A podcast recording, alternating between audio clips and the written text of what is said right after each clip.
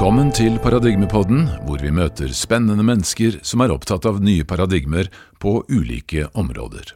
Mitt navn er Terje Toftnes.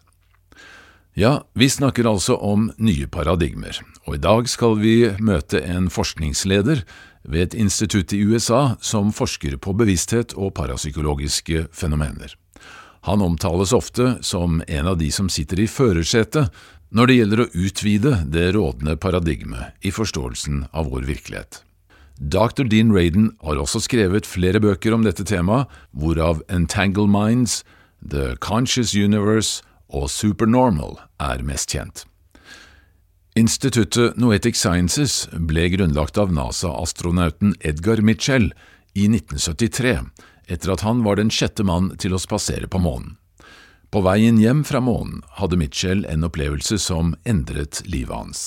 La oss først høre Mitchells egen beretning om dette.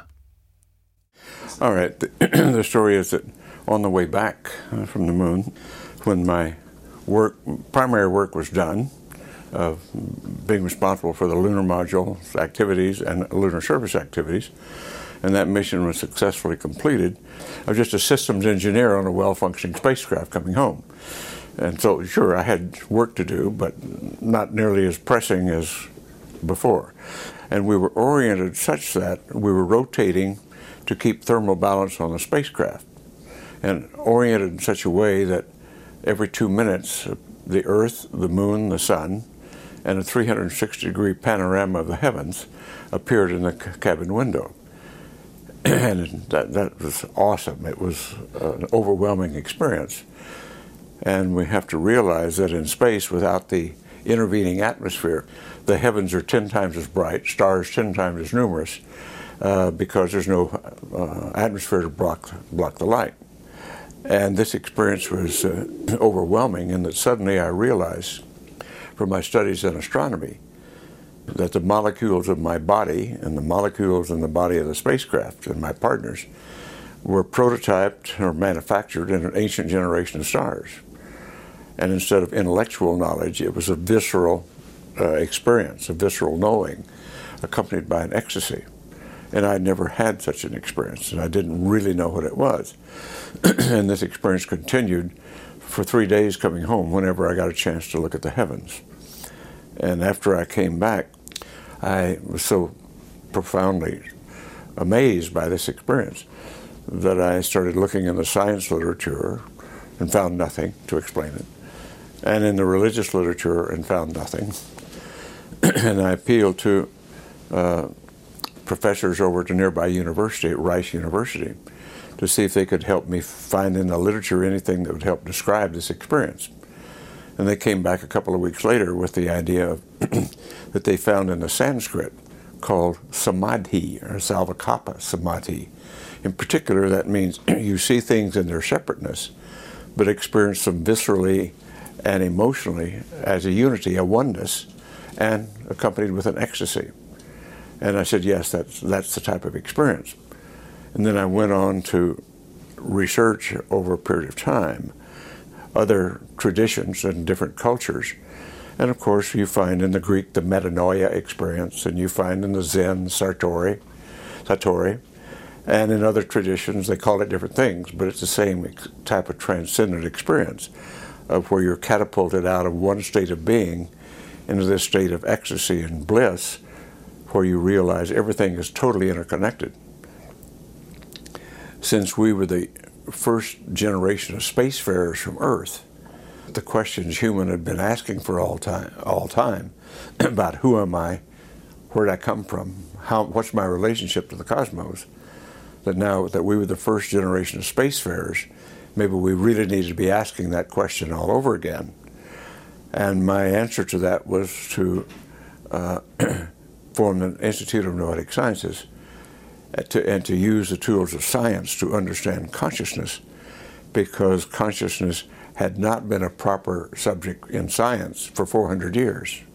And I thought now that we had quantum science perhaps and spacefaring that perhaps we ought to readdress that subject. And that was the, that was the basis of, of uh, starting Noetics. For Noetic Sciences ble studiet av denne følelsen av enhet, eller bliss, sentral fordi det kunne fortelle mye om fenomenet bevissthet. Men instituttet har kanskje blitt mest kjent for sine studier av telepati, og hevder å ha nok bevismateriale til å slå fast at telepati er et helt reelt og naturlig fenomen som kan oppleves mellom mennesker. Det var jo ikke grunnleggeren av instituttet vi skulle snakke med i dag, men forskningslederen og professoren dr. Dean Raden, som har vært ved instituttet helt siden 2003. Vi lar ham starte med å introdusere seg selv. So, my name is Dean Raden. I'm senior scientist at the Institute of Noetic Sciences. Uh, I have a, a, fairly traditional background in electrical engineering and experimental psychology. Uh, but like a lot of children who read Harry Potter today, I was always interested in magic and mysticism and mythology and all that stuff and science fiction. And throughout my scientific career, both as a student and then later working in more traditional industry, I never forgot that interest. And it always struck me as odd that science is, is the, the aspect of human experience that is exploring the frontiers, and yet, why weren't they exploring those frontiers? So I discovered that there actually are some scientists who are interested in the far frontiers, and it, it attracted me way back when. And I decided uh, when I was pretty young that if it was possible, that that would be the thing that I'd want to do as an adult. So it took a while to figure out how to do it, and that's what I do now. But when it comes to psi effects, there are a lot of skeptics in the scientific world. What can you say about that? Well, I'll make a distinction between two, two types of skeptics. There's uh, what we might think of as a, a, proper skeptic or a genuine skeptic, somebody who simply doubts. And that I put myself into that category too, because you, you can't be trained 20 years through a scientific career and not end up being skeptical about all kinds of things, especially things that sound like magic. So that's, that's a good skeptic. Those people I can easily talk to, and after a while, most of them will come around to at least thinking that what I'm talking about is interesting. Then there's a second side of people who call themselves professional skeptics, whose job is essentially an ideology. And so the ideology is to say that uh, what we think of as science is sort of a religion. It's something that you, you cannot question the doctrine or the dogma of today. That's not skepticism anymore. That's pseudo skepticism. And so many of the people who are very proudly announce themselves and join clubs about skepticism oftentimes they're not scientists for one thing. They, they, they may be some, from some other discipline, but they don't understand that the nature of scientific exploration, most of the time you have no idea what you're doing. If you're lucky, you have some theories to guide you, and you have some empirical results to guide you, but the whole thing is about looking at the edge. And at the edge, nobody knows what the right answer is. So those scientists I can speak to easily. And those scientists are much more readily accepting of the nature of the data than people who, who claim that they're skeptics and actually are not. But why do you think mainstream science is so reluctant to enter this area, especially now when there is so much evidence of the existence of these phenomena? Right. One of the reasons that mainstream scientists don't like to look at this is because they're not aware that there is actually some science. And so when I give a talk on this topic, one of the things that I mention is uh, especially if it's a technical group and they don't really know much about the, the, the topic. Uh, I presented as showing that you might think that there are some obscure journals out there that are publishing this stuff. You never heard of it, and we don't know if it's peer reviewed or not. But in fact, if you start looking at well known, well regarded mainstream journals from Nature and Science on down, you can find articles on these topics. It doesn't show up every day which is why we don't see it every day, but it's a very small field. There are not very many people who are doing this kind of research, but the, the data does show up in those journals. So if you if you can spend the time, and this is really where the issue is, most scientists don't know anything outside of a very thin slice. It's the slice of the world that they study a lot.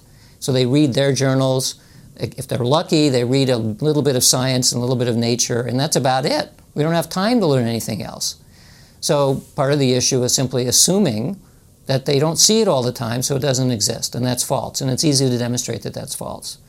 Another part then is an assumption that their view of the world, their scientific view of the world, is the only correct view, and that this is really a matter of ignorance or arrogance. And uh, of course, scientists who are used to dealing with multiple disciplines recognize that any one slice in the way of looking at science is extremely limited and probably wrong. You don't see the world as it is, you see the world through your lens. Uh, so if somebody is, has spent an entire career in one very thin slice of science, and they only read those journals and they, they hear about this stuff, they quite reasonably would think it's crazy. But it's because they're, they're just not aware of what's out there. Very good. Very good. So, how do you explain to the general public what psi really is? Well, nobody knows what psi really is. Psi is a letter in the Greek alphabet, the same letter as the beginning of the word psyche, which means soul or mind. So it was a, a neutral term that was used to refer to these anomalies having to do typically with matters of communication, either between people's minds, which we call telepathy, or between a mind and the environment, which we might call clairvoyance, or between the mind where intention seems to push out into the world, which would be a mind matter interaction or psychokinesis. And sometimes these effects seem to slip in time. So we call it precognition or retrocognition. So those are the main classes of phenomena, all of which are called psi, mainly because we don't know what else to call it. So these are euphemisms. And you know, in the old days, it was psychical phenomena, and then it's parapsychological phenomena, and then it's psi phenomena, and new terms are anomalous cognition.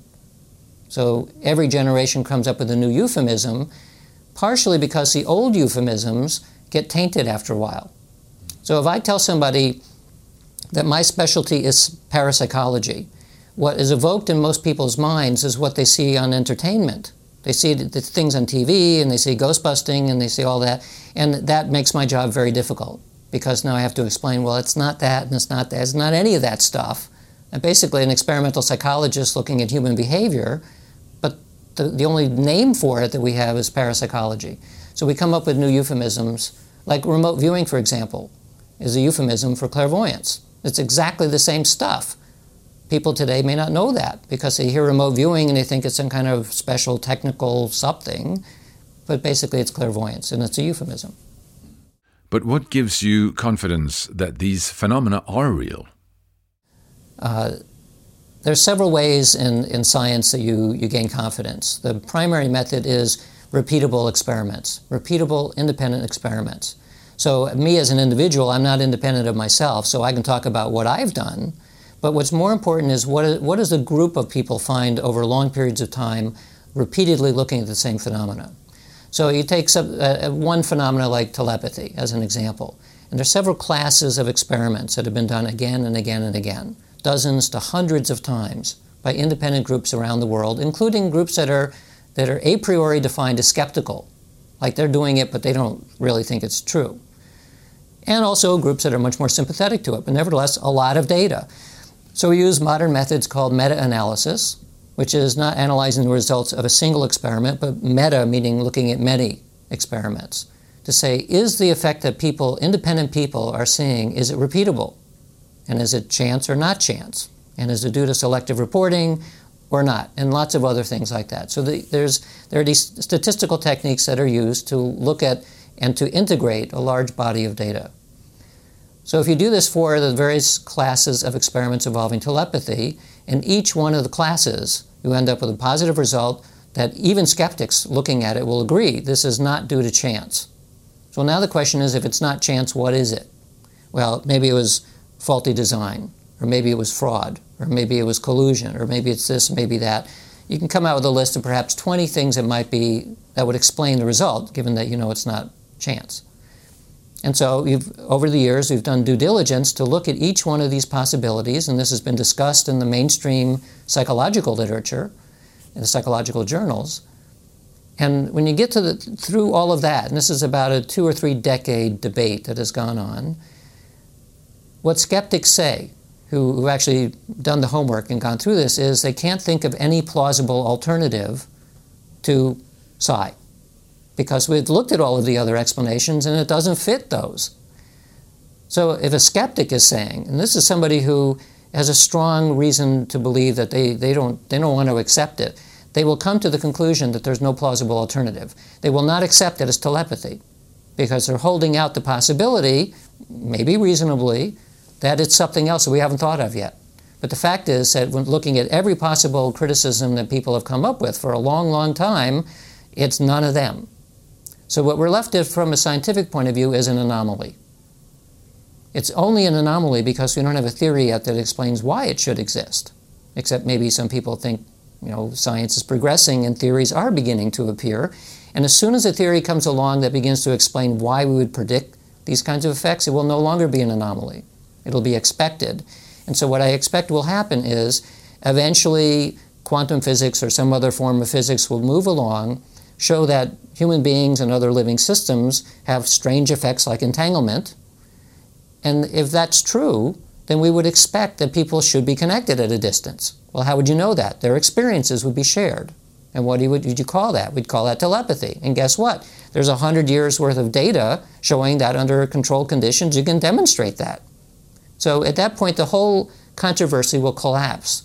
It'll collapse like historically it goes backwards, and the whole thing falls down.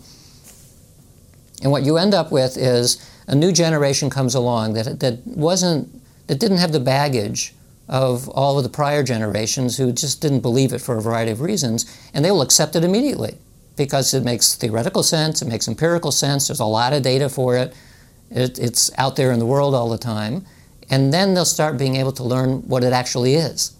So until we get to that point, it remains kind of a controversy, and it's very difficult to push the science ahead.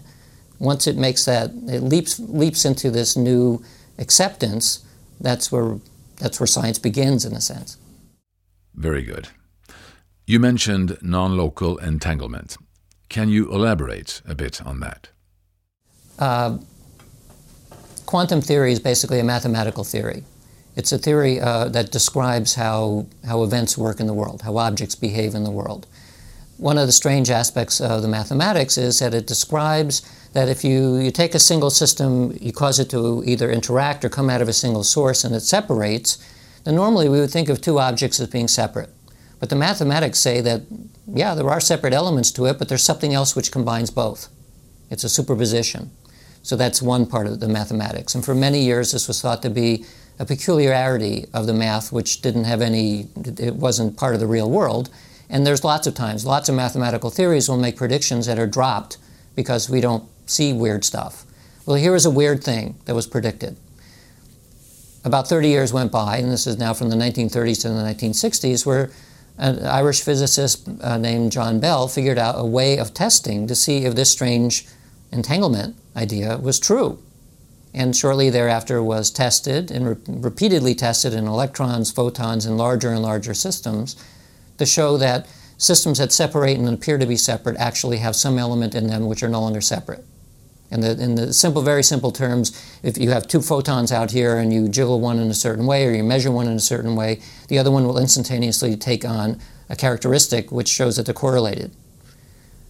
From a classical viewpoint, that doesn't sound very unusual because if you take two things that were once one and you split it, well, aren't they already correlated? The answer is yes, but this kind of correlation is stronger it's stronger than classical correlations. It takes a little bit of math to get why that's the case, but it's extremely counterintuitive. Things separate and they're like still together somehow in a way that's stronger than a classical correlation. So this has been looked at many, many times, and it has progressed from a, uh, an unexpected laboratory effect to an, be a way beyond an anomaly. It's proven as a laboratory effect to technologies. So there's a whole bunch of technologies now which are predicated on the idea that this thing is real and you can do stuff with it. So even though it's very counterintuitive and it doesn't seem to make sense, it, we know that it's true. So the, the question then is if you, th- these were originally thought of as only occurring at elementary particle levels and we don't live as ele- I mean we are elementary particles, but we live in a much bigger world. So it was thought that that was very strange stuff at very exotic scales that had nothing to do with us, especially nothing to do with the brain or the body. Relatively recently, there's more and more papers appearing on larger and larger systems in which you see these kinds of entanglements, including living systems. So the most recent one I'm aware of is in photosynthesis. So photosynthesis requires quantum coherence in order to work then I can easily predict that eventually someone's going to find it in larger and larger systems. Once they, they find it in, in cells, which I expect will be the case, leaping from that into the brain will not be a big leap. And then people will then say, well, there's already a fledgling theories out there, a bunch of them, saying why quantum phenomena ought to exist in living systems because it's a much more efficient way of computing, among other things, than a classical form of computing. So we can think of the brain not in the, the as a classical computer. It's not like a PC, which is how neuroscience has generally looked at it, but it's more like a quantum computer, which is vastly more powerful. If this thing in here is actually a quantum computer, then you can predict that it's actually not completely in there. It has aspects of itself which are sort of entangled out in the world. If that is true, then you can make a case that perhaps people who know each other very well are identical twins or something like that. Maybe they're entangled too, physically entangled. In which case, a large chunk of my brain is here, but not all of it. Part of my brain is shared, literally, physically, with somebody else at a distance. So what I think of as normally as my thoughts are not only in there. In fact, I, I, I came from a single cell already with these entanglements, so it's not like my brain suddenly figured I had to leap out somewhere and do something, but it was developed under a condition where it is already entangled with the rest of the world. And so we're, we're not in here necessarily, we're out there as well. And from that perspective, if, if it's true, and this hasn't been confirmed yet in the physics lab, but in the psychology laboratory, in a sense, it has been confirmed. Because we have all these data from psi experiments, which are repeatable, that tend to be relatively small effects, but most of the people we test are college sophomores. They're just average kids that we pull into the lab, and we can demonstrate it in them. So you can imagine what we could find if we were starting working with people who are highly adept at this. And then we'd find some very remarkable stuff. Great. Well, that's beautiful. You have also previously been working with the so called Global Consciousness Project. Tell me about that. There's about 50 years of laboratory work looking at mind matter interaction. Most of it involved random number generators. Originally, it was things like coin flipping, dice throwing. In the modern world now, since about the 1960s, we've used electronic circuits that produce truly random sequences. And you might assign an individual to you might give them feedback, or you might show them simply a squiggly line, which is a result of this random walk, and ask them to intentionally push it in one direction versus the other. So there have been many, many experiments like this, and overall, I think the data is pretty clear that intention somehow is impressed into these random events. So, starting in the 1990s, my colleague uh, Roger Nelson at, at Princeton University got the idea that intention seems to be important, but maybe it's more than that. Maybe it's attention. And so he had the idea of you take a random number generator and you put it in the vicinity of a group that is having very high attention on something, like a meditation group or something, something like that, where you can imagine there's a lot of mental coherence, that maybe that affects the environment. And a random number generator would be a good detector because it is, by definition, a maximum entropy device. It's designed to, to detect pure randomness.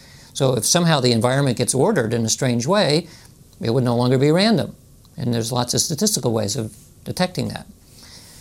So he started doing experiments in groups, and then shortly afterwards I started doing that too. We, we, we, and others quickly found that some groups, in some contexts, you find that their generators are not behaving randomly anymore, kind of like he predicted. So uh, it was during the, uh, or the lead up to the O.J. Simpson uh, trial where I figured this would be a really good test of, of a global event because a lot of people had known about this celebrated uh, murder trial. It, was a lot of polarization in people as to whether he's going to be guilty or not guilty. But the important point was that the media knew and told us that a live event would occur in a certain time and a certain day, and within a space of one second, you would hear someone say guilty or not guilty. And this may have been unique in human history at least in modern history. The only other event like that I can think of is Neil Armstrong landing on the moon. But we, didn't, we weren't doing these experiments back then. So this is sort of like a Neil Armstrong moment, guilty or not guilty. So you can imagine then if, if mind and matter are really related to each other in some way, and mind, especially our, our own minds, we think of the, the reason why a human body is, is, uh, sustains itself is because of the coherence. It's the self organizing coherence of this system. So maybe something about consciousness is like a coherence generating field. And, it, and it's not it's not just like an imaginary field, it literally is a physical thing that causes coherence. Well, what if you have a lot of minds suddenly becoming coherent by paying attention to the same thing at the same time? Maybe that would cause a change in the physical environment. And what if it happens on a global scale? Well, maybe we can put random generators all over the place and look for something like a worldwide coherence. So we did this for the O.J. Simpson affair. Uh, I had three generators running in my lab, or actually two in my lab, one in my home. I asked Roger Nelson at Princeton to do one, and a colleague in Amsterdam to run one as well. And then later we looked at all of the data in time sync with the events as they unfolded, and we found very strong evidence that the generators were not behaving randomly anymore around the world. Now, we only had five, and we had to do this as a pickup experiment. You know, I had to ask my buddies to do this. So a couple years later, uh, we, we did a similar thing where we got 12 of us to run generators during the funeral of Princess Di. And that also showed a significant effect.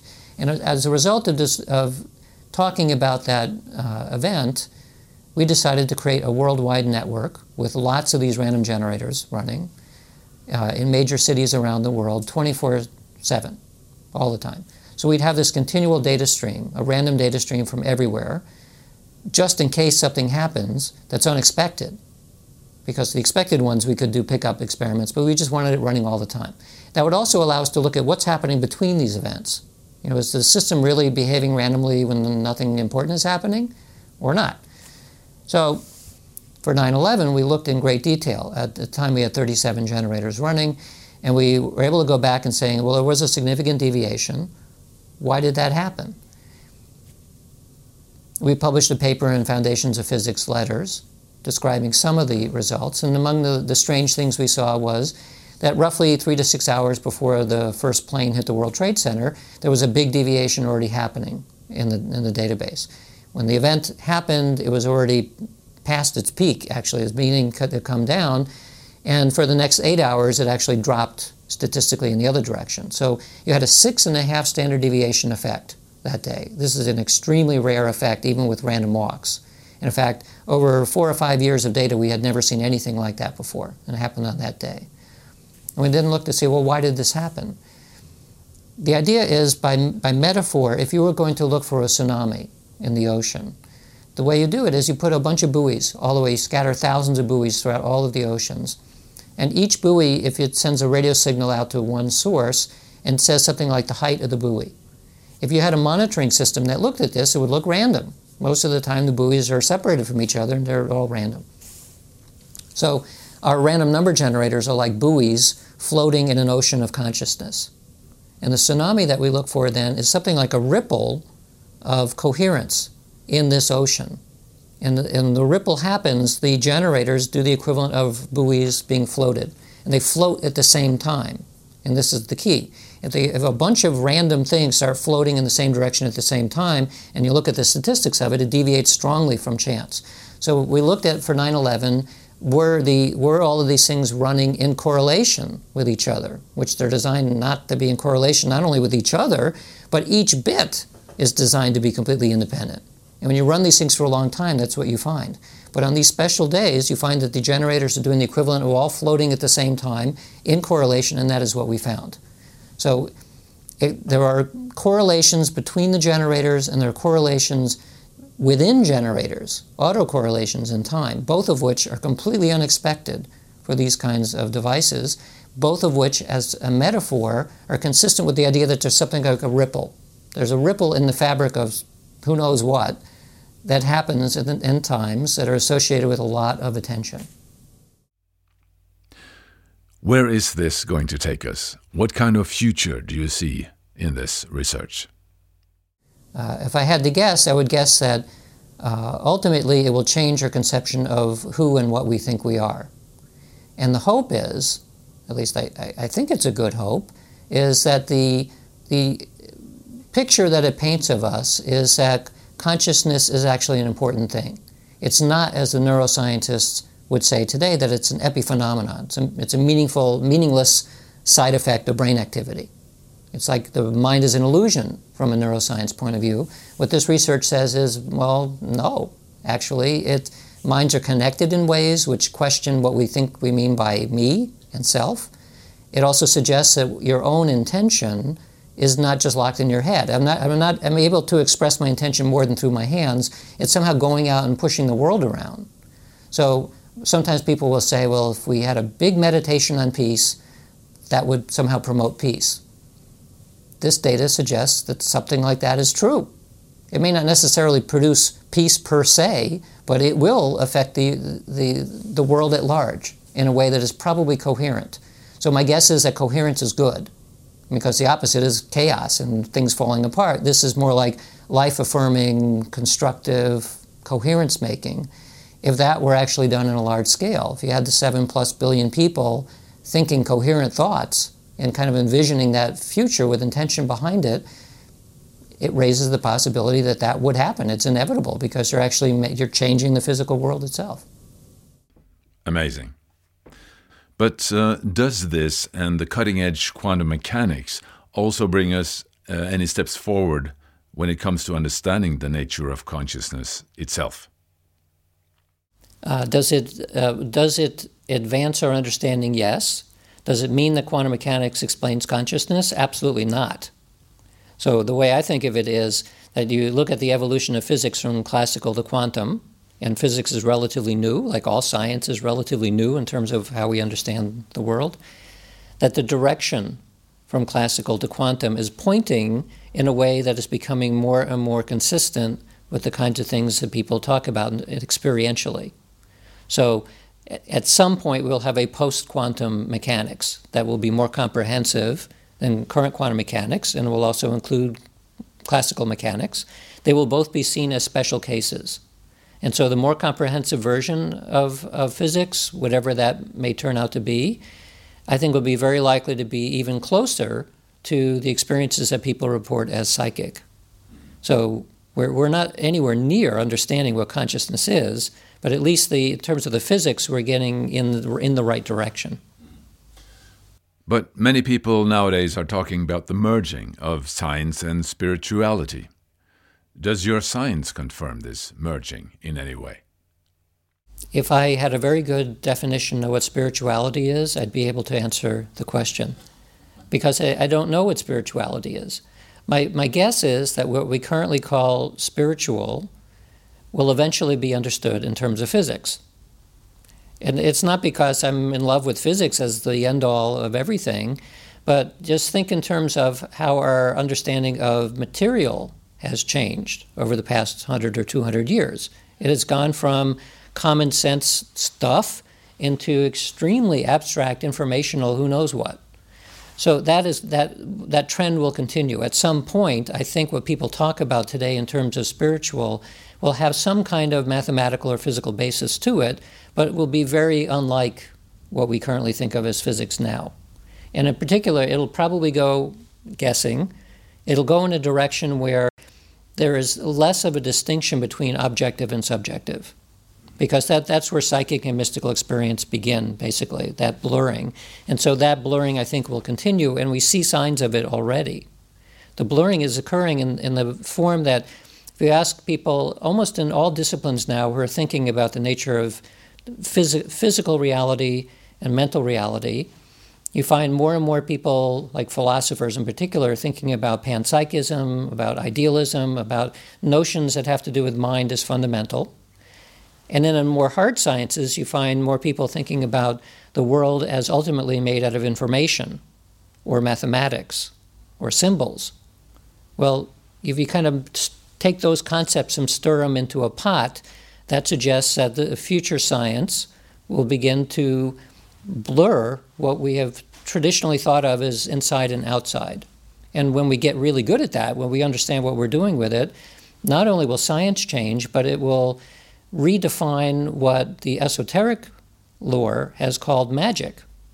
And it's, it's, taking, it's basically taking this track where you look at where science used to be, where it is today, where it seems to be going, and you compare that against the entire esoteric lore and from any everywhere in the world, all the way back to shamanism. And I think they're on a converging track. That's very interesting. Uh, in your book, Supernormal, you talk about how yoga and meditation are potentially able to open up your psychic abilities. Can you elaborate on that? Well, the, the book Supernormal uh, came about because in meditation research in the 1960s was pretty rare.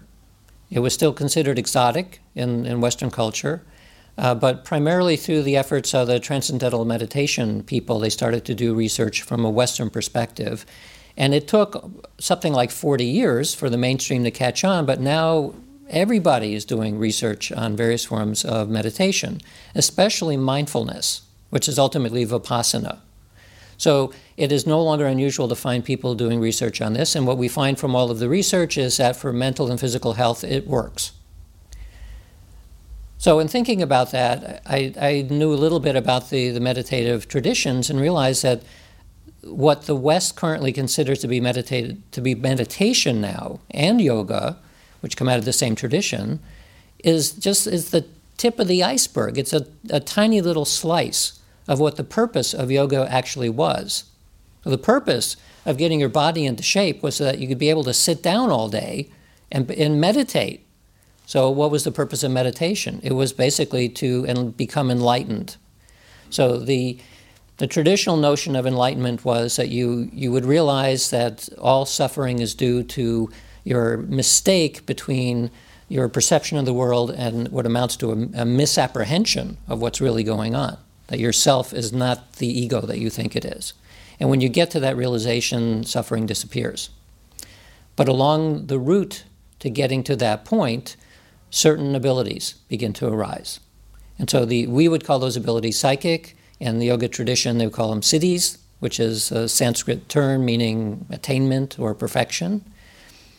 And those were seen as yardsticks, as ways of telling where along this path are you.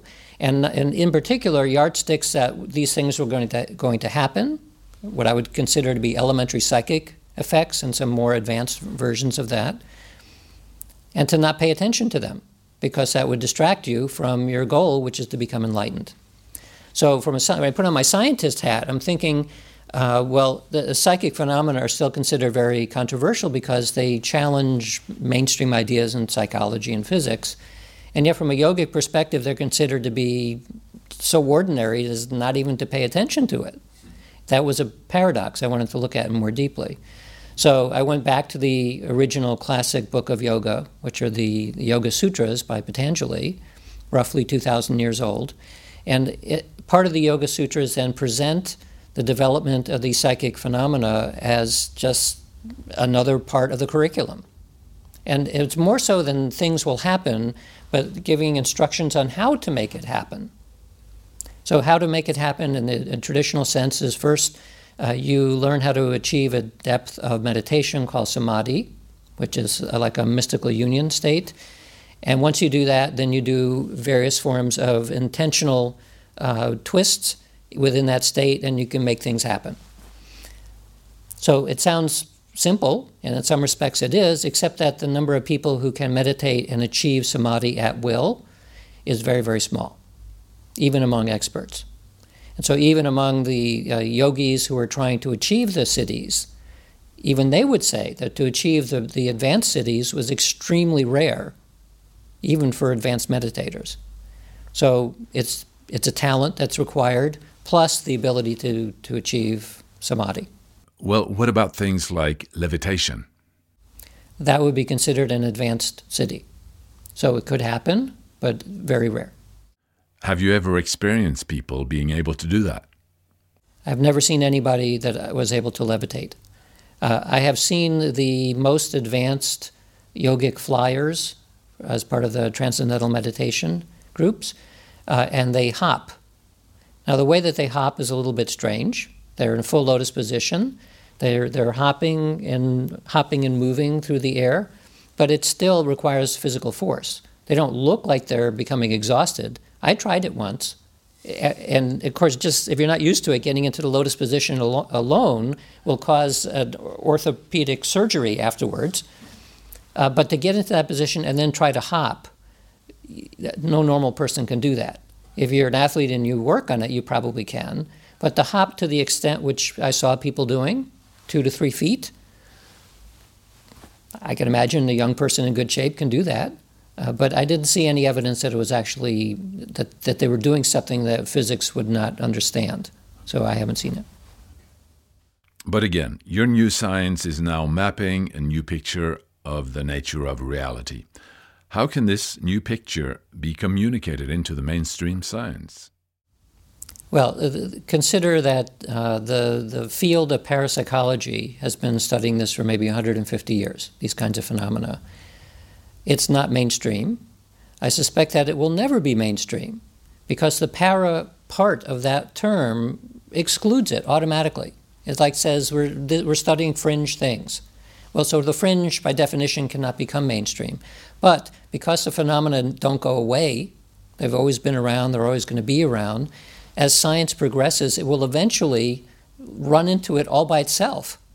So, this is where fields like quantum biology are very likely to start running into predictions and then experimental tests showing that things like neurons in a dish that have come from the same source, if you stimulate one, the other neurons will respond. And people will be amazed at that, and then somebody will speculate that, well, maybe that's the source of telepathy, and on and on and on. So, with some luck, this, this large literature of experimental work will be rediscovered, or somebody will say, oh, well, they were right all along, or something like that.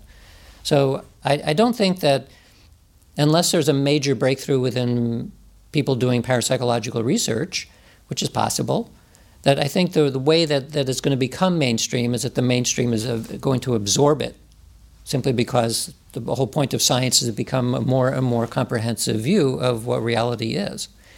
And as I was saying before, that the leading edge now within physics is information as reality. Literally, information is reality. Mathematics is the basis of reality, or symbology, symbols as the basis of reality. Well, that starts to sound a lot more like we're dealing with something which is literally non physical. It's abstract and more mental in form than it is physical. Well, back again uh, to the Institute of Noetic Sciences. What is the status as of today, and where does your funding come from? Well, the, our, the Institute of Noetic Sciences is now uh, over 40 years old. For a long time, uh, it did not have any internal research. We provided grants for people, like seed grants for people to do things. And then uh, almost uh, 17 or 18 years ago, I started a laboratory there, so we started having in house research. And now there are seven scientists on staff. So we cover a broad range of disciplines. Uh, some of the projects we work together, so it becomes multidisciplinary. Uh, and I think that's a, it's a good sign of the direction that we're going, that we've recognized that the one thing that makes us unique is a multidisciplinary scientific take on phenomena that we call noetic, which is an umbrella which would cover mystical experience and psychic experience and intuition and lots of other things. We all of the money for research so far we raised through grants uh, and through individual donors. Uh, we're working on endowments, but it takes a while to, to develop those things. Uh, but it, it works somehow the, the organization is not just existing, but growing and thriving and beginning to center and focus on the science side. So, as far as traditional sources go, things like the National Science Foundation and the National Institutes of Health within the United States, they are very, very conservative. And, and almost by definition, what we're interested in is not to do what is currently being done. In many ways, our mission was to do what our founder did, with uh, Edgar Mitchell, the, the astronaut, it's to explore new worlds. And the moment you do that, you can't go to ordinary sources. Because when a place like the National Institutes of Health calls for innovative new research on some topic, what they mean is really tiny baby steps, small evolutionary steps given on what we already know. And they do that partially because it's easy. I mean, it's easy to make a decision to do that because you don't have to explain to anybody why you're doing a speculation. It's also easy to judge whether or not it works. Whereas we're pushing 20 to 30 years ahead of where everybody else is. So the types of donors and the types of foundations that we go to are more visionary. They're far looking, uh, they're interested in exploration, and they want to know, like we do, well, what happens when you don't look tomorrow, but you look 30 years from tomorrow? What does that look like? So that's, that's what our That's what our goal is, and that's what we do. As a closing, in your book Supernormal, your main topic is on physics and non local mind, and new ways of doing experiments as well. So I'm talking about this evolution on the way that physics has, is both relevant to understanding non local mind and how it has done that, with experiments starting all the way back in the 1930s with dice tossing to the early studies with random number generators, which are based on quantum processes, to our optical system tests, and now to the entangled photons. And showing that as, as a progression, it's becoming more mainstream in terms of physics. One of the reasons I use optical systems is because this is physics 101. A lot is known about it, a lot of the mathematics are very well understood. So if we can show that mind is interacting with a well understood system, we can model it in ways that become more compatible with what physicists expect to see. So that's part of it. The other part is that, uh, that for use of entangled photons, for example, 10 years ago, it, it would have been way too expensive to even begin to do such an experiment. Now it's still not inexpensive, but it's possible to have a tabletop device that generates a lot of high quality entangled photons in real time. So we, we adapted that for our experiment, and, and this is new simply because the technology has caught up to it. So we can, we can project even further into the future where all of our studies using double slit systems can be put onto an integrated circuit substrate, like nano size. And when you start doing that, you, you, you can develop entirely new kinds of concepts in terms of what you do with it. For example, you, you can not just put one double slit, you know, a little tiny one, you could have 100,000 of them on a chip and use artificial intelligence to, to do very sophisticated processing of what's going on in it. So there, there are these ideas which are partly taking advantage of technology developments, new ideas in physics about what is actually possible with, with uh, quantum entanglement.